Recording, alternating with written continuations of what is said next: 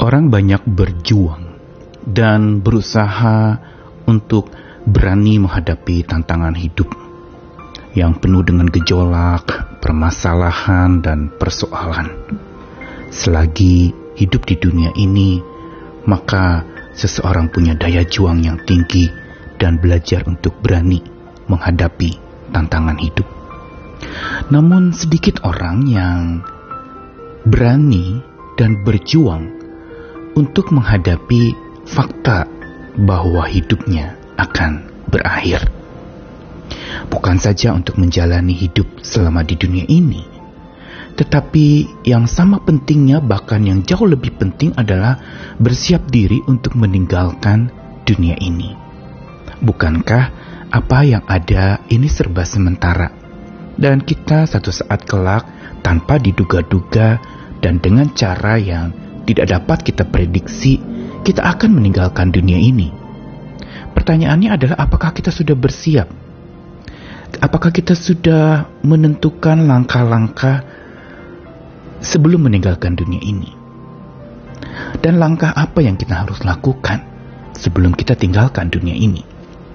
Satu hal yang pasti adalah kita perlu meninggalkan jejak teladan hidup yang akan diwariskan kepada orang-orang yang akan kita tinggalkan. Karena itu betapa pentingnya kita belajar bijak meninggalkan jejak sebelum kita meninggalkan dunia ini. Saya Nikolas Kurniawan kembali menemani di dalam sabda Tuhan hari ini dari 1 Petrus pasal 2 ayat yang ke-20 sampai 21 sebab dapatkah disebut pujian jika kamu menderita pukulan karena kamu berbuat dosa tapi jika kamu berbuat baik dan karena itu kamu harus menderita, maka itu adalah kasih karunia pada Allah. Sebab untuk itulah kamu dipanggil. Karena Kristus pun telah menderita untuk kamu dan telah meninggalkan teladan bagimu, supaya kamu mengikuti jejaknya.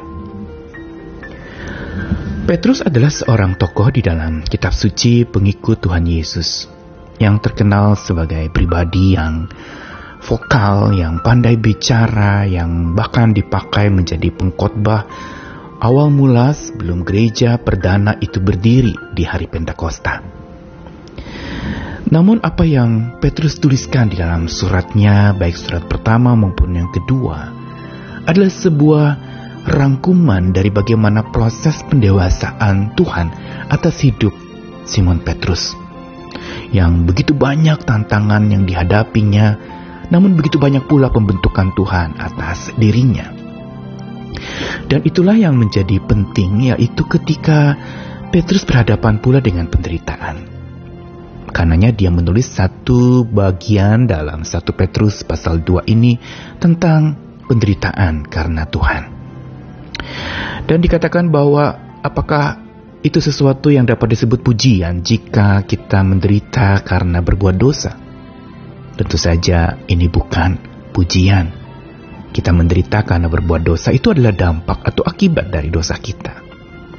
Tetapi yang menjadi hal yang lebih penting lagi adalah jika kita berbuat baik dan karena itu harus menderita, itu adalah kasih karunia kepada Allah. Atau itu adalah pemberian atas izin Allah. Inilah yang Simon Petrus katakan tentang penderitaan. Waktu dia menjadi murid Yesus, dia sempat mencegah Yesus untuk menderita. Dengan mengatakan sekali-kali engkau tidak boleh menderita. Tapi Yesus sempat menegur Simon Petrus dengan mengatakan Inyalah kau iblis karena engkau memikirkan apa yang manusia pikirkan dan bukan apa yang Tuhan pikirkan. Waktu itu Yesus ingin mengingatkan Simon Petrus tentang makna sebuah penderitaan. Bahwa di tangan Tuhan penderitaan itu justru adalah cara untuk pemberitaan Tuhan itu terjadi. Walaupun manusia melihat penderitaan itu sebagai sesuatu yang bukan dan tidak ada hubungannya dengan pemberitaan, tetapi Tuhan ingin mengatakan bahwa justru lewat penderitaan itulah maka Tuhan dipermuliakan. Ada berita penting di balik derita yang begitu berat harus dipikul oleh manusia. Dan lalu lebih lanjut lagi Petrus mengatakan di dalam suratnya ini ayat 21, sebab untuk itulah kamu dipanggil, yaitu untuk menderita atas kasih karunia Tuhan. untuk menderita yang lewat penderitaan kita itu menjadi berita buat banyak orang. Dan di situlah orang akan melihat sebuah jejak teladan yang dikagumi bakal membuat orang menjadi makin dekat kepada Tuhan. Karenanya Petrus mengatakan, karena Kristus pun telah menderita untuk kamu. Namun penderitaan Kristus itu adalah penderitaan yang membawa pemberitaan tentang kasih yang luar biasa, pengampunan yang dahsyat, penebusan untuk dunia ini. Dan dikatakan bahwa Kristus lewat penderitaannya telah meninggalkan teladan bagi kita. Supaya apa? Supaya kita mengikuti jejak dan teladannya. Hidup di dunia ini tentu saja banyak penderitaan, tetapi apakah penderitaan-penderitaan yang kita alami itu sudah menjadi pemberitaan tentang Tuhan melalui kita?